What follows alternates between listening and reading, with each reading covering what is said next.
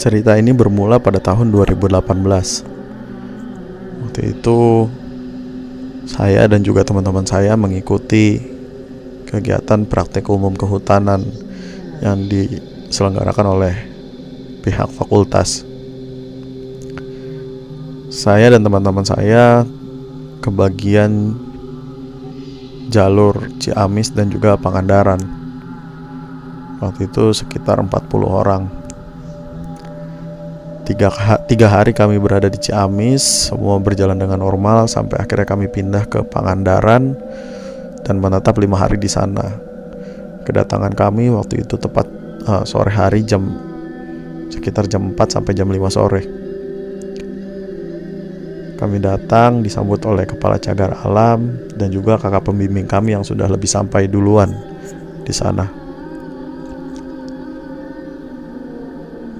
Setelah sampai di sana, kami dibawa ke tengah hutan karena di dalam tersebut, di tengah hutan tersebut terdapat sebuah uh, dua buah mes, dua buah mes yang dimiliki oleh cagar alam Pangandaran. Akhirnya kami tidur di situ, perempuan di mes yang tertutup dan laki-laki di mes yang terbuka. Lebih tepatnya mungkin bisa disebut aula sepertinya, karena uh, tempatnya hanya ruangan cukup besar dan untuk uh, perempuan itu tertutup dan memiliki satu pintu masuk dengan satu jendela kecil. Sedangkan untuk laki-laki itu ada satu pintu masuk dan sekelilingnya itu kaca. Jadi kalau masuk ke dalamnya ngelihat depan kanan kiri itu uh, bisa semua kecuali ke belakang. Karena belakangnya tembok. Uh, mes ini persis berada di depan pantai. Jadi ada uh, jadi mes lapangan rumput kemudian langsung pasir pantai. Hari pertama hari kedua dan hari ketiga semua berjalan dengan normal. Kami mengambil data di sekitar cagar alam dan juga taman wisata alam daerah Pangandaran. Uh, pada hari keempat kami juga melakukan hal yang sama di hari pertama dan juga sampai hari ketiga. Namun waktu itu kami selesai lebih cepat. Pada siang hari waktu itu kami sudah balik ke mes. Nah ada lima orang perempuan untuk memutuskan pengen pergi ke pantai yang berada di belakang mes. Akhirnya mereka pergi uh, sampai mau maghrib mereka juga belum pulang. Akhirnya ada satu laki-laki yang uh, khawatir akhirnya berusaha untuk mencoba menyusul perempuan tersebut uh, lima perempuan tersebut. Jalan menuju pantai tersebut harus melewati dua gua waktu itu. Dan teman laki-laki ini merasa aneh di saat gua pertama. Dan akhirnya dia mencoba melihat ke arah mulut gua dan ternyata benar ada dua sesosok wanita berpakaian Belanda dengan uh, wajah yang mirip kembar. Tanpa pikir panjang akhirnya dia lari. Sudah lari cukup jauh belum sampai ke pantai eh, laki-laki uh, ini bertemu dengan lima perempuan ini namun mereka sudah berada jalan pulang. Akhirnya mereka berenam pulang bersama. Uh, lima perempuan ini terlihat uh, biasa saja karena ya uh, tidak mengetahui hal tersebut. Akhirnya si laki-laki ini hanya dapat terduduk diam di teras mes dan kami pun heran teman-teman yang lain pun heran kenapa uh, dia hanya diam saja gitu kami mencoba bertanya namun dia juga nggak nggak mau jawab pertanyaan kami dan hanya memendam kejadian tersebut. Sampai akhirnya kami beritahu ke kakak pembimbing kami karena kami khawatir dengan kondisi teman kami teman kami itu. Dan akhirnya teman uh, dia mau bercerita kepada kakak pembimbing kami dan juga kami bahwa dia mengalami kejadian seperti apa yang saya sampaikan tadi setelah kejadian itu dia merasa cukup lega lah karena sudah berani menceritakannya. Dan pada malam itu ya hari berjalan seperti biasanya. Masuk ke hari kelima pagi uh, hari itu kita nggak ada uh, pengambilan data sehingga kami dibebaskan untuk bersenang-senang waktu itu akhirnya kami memutuskan untuk uh, mencoba pergi ke daerah pinggir-pinggir uh, cagar alam yang merupakan daerah wisata Pangandaran waktu itu. Kami pun uh, pergi untuk berbelanja dan juga bersenang-senang. Pada hari itu ombak terlihat sangat tenang, tidak seperti biasanya. Laut juga tenang, tidak terlihat satupun ombak dan cuaca yang sangat cerah waktu itu. Tapi sebelum pergi kami diperingatkan oleh orang cagar alam bahwa cagar alam ini akan tutup pintunya pada jam 5 sore. Kami pun heran karena biasanya tidak ada seperti itu. Akhirnya setelah kami berbelanja dan senang-senang kami pulang jam 5 sore dan pintu itu ditutup. Setelah kami semua kumpul nah, sampainya di mes saya pun penasaran. Kenapa pintu cagar alam pada hari itu ditutup jam 5 sore? Dan saya menanyakan kepada uh, kakak pemimpin saya kak uh, kenapa pintu ditutup jam 5 sore? Awalnya kakak pemimpin saya tidak mau memberitahu. Sampai akhirnya ya karena saya bertanya terus menerus dan akhirnya dia menjawab bahwa malam ini adalah malam satu suro. Dan saya tidak mengetahui hal tersebut karena ya seperti hari-hari biasanya saja tidak ada hal yang aneh sampai akhirnya masuk di sekitar jam setengah enam sampai jam enam itu uh, saya dan teman-teman tuh lagi kumpul di teras gitu melihat ada beberapa orang yang jalan masuk ke dalam hutan. Ternyata di situ ada pemandian uh, Rengganis. Dan saya teringat bahwa malam itu adalah malam satu suro dan mereka melakukan uh, mandi di sana gitu. Sampai akhirnya orang itu pulang lagi sebelum maghrib sekitar jam jam-jam 6 lah mereka pulang terus kami masih duduk-duduk di depan untuk merapihkan laporan-laporan sebelumnya ah, tiba-tiba angin datang dengan kencang dan seperti ada hujan itu sekitar jam setengah tujuh dan itu anginnya cukup besar dan tidak pernah terjadi di hari-hari sebelumnya. Dan saat itu ada yang menjemur pakaian pun ya pakaiannya pada terbang gitu.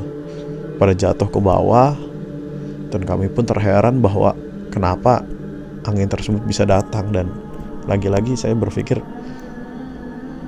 wah oh, iya malam ini malam satu suro saya baru ingat. Setelah itu uh, karena besok kami mau pulang itu angin sudah mulai uh, tidak terlalu kencang dan tidak ada hujan uh, saya memutuskan untuk membereskan pakaian uh, dengan beberapa teman saya saya membereskan pakaian di luar karena di dalam barang-barang uh, cukup banyak. Dan uh, takutnya mengganggu yang lain juga. Akhirnya membereskan di samping teras sebelah kiri kita membereskan pakaian. Waktu itu saya bertiga bersama teman saya yang tadi saya ceritakan uh, melihat hal aneh tersebut. Hal aneh tiba-tiba dia berbisik kepada saya uh, kamu lihat nggak? Uh, dan dengan muka bingung saya saya bertanya lihat apa? Dan dia memberitahu kepada saya bahwa ada sosok laki-laki besar berkepala botak dan ukuran kepalanya lebih kecil daripada badannya berada di balik pohon dan melihat ke arah kita. Dan saya cukup uh, takut waktu itu. Tapi ya karena uh, waktu itu sedang ramai ya kita seperti biasa aja. Kita beres-beres pakaian ngobrol dan uh, saya hiraukan hal tersebut gitu. Setelah selesai beres-beres kami duduk-duduk lagi di teras ngobrol-ngobrol. Waktu itu kebetulan ada kakak pembimbing kami juga ikut uh, apa namanya uh, duduk-duduk. Sambil ngobrol-ngobrol lah karena itu hari terakhir kami di Pangandaran. Di tengah asiknya ngobrol tiba-tiba kakak pembimbing kami ini tertidur tapi tetap sambil ngomong. Dan kami pun heran gitu.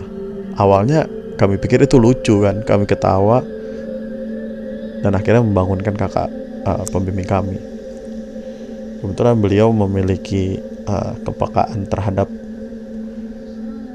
hal-hal seperti itulah ya. Kita bangunkan tanpa kita tanya terus kita ketawa ah, kakak kenapa tadi? Terus dia kaget. Loh emang kenapa? Lah kakak barusan tidur tapi sambil ngomong. Hah? Dia kaget terus Wah. Dia bilang Bahwa Sepertinya ada yang tidak beres di sini Gitu Pada malam ini. Dan lagi-lagi teringat bahwa Malam itu adalah malam satu suro. Akhirnya kami memutuskan untuk uh, bersiap-siap untuk tidur. Nah waktu itu kalau tidak salah waktu sudah jam-jam uh, 10 atau jam 11 malam. Akhirnya kami masuk ke dalam mes tapi ya selain laki-laki pasti ada ngobrol-ngobrolnya lagi juga di dalam mes sebelum tidur ya kan? Hati saya makin gelisah waktu itu. Akhirnya saya nggak bisa tidur sampai jam 2 pagi sampai akhirnya tiba-tiba saya ketiduran tuh jam 3 tapi tanpa saya sadari jam 4 saya kebangun dan langsung duduk. Dan saya lihat ada lima orang teman saya yang seperti itu juga. Jadi kami itu berlima bangunnya bareng. Dan langsung duduk dan saling melihat gitu. Saling lihat kelihatan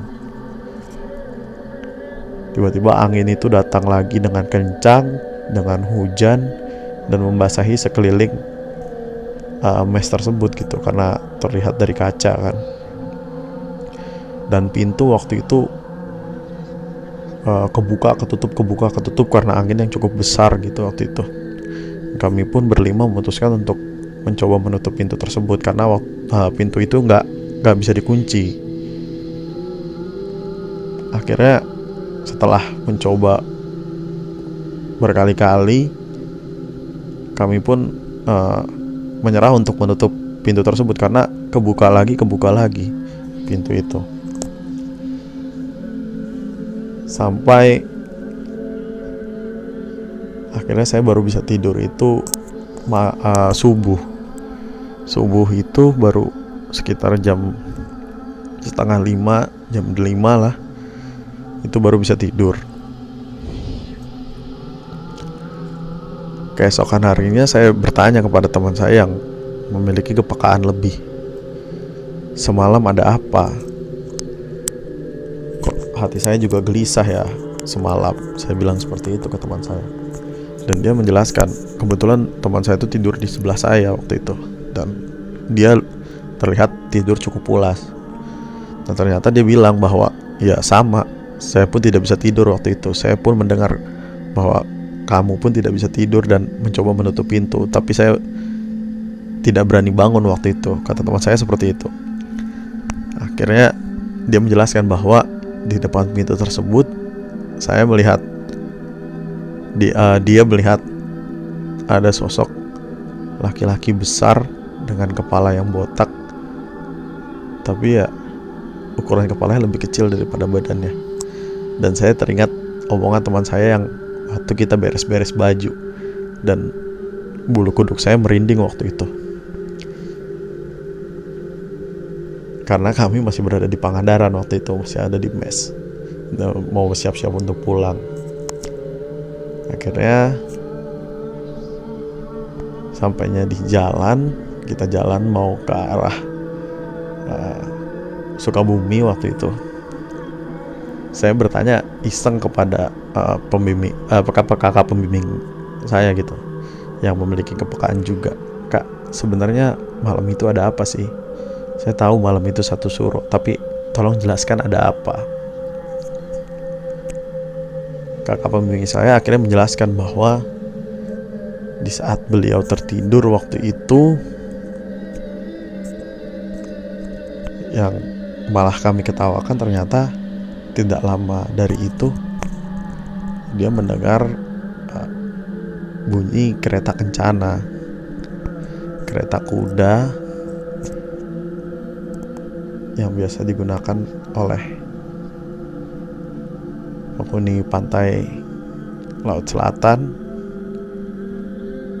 Tapi dia hanya mendengar suaranya berada di depan mes kita gitu. Wah bulu kuduk saya makin merinding waktu itu dan beliau bilang kalau malam itu dari mulai jam 12 ke atas itu kondisi sudah sangat tidak kondusif.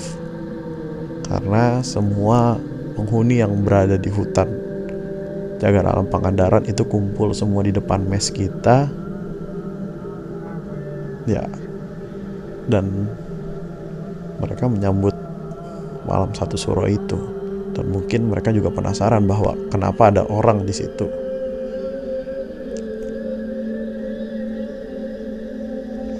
mungkin itulah sekian cerita dari saya. Yang bisa saya bagikan buat teman-teman semua. Terima kasih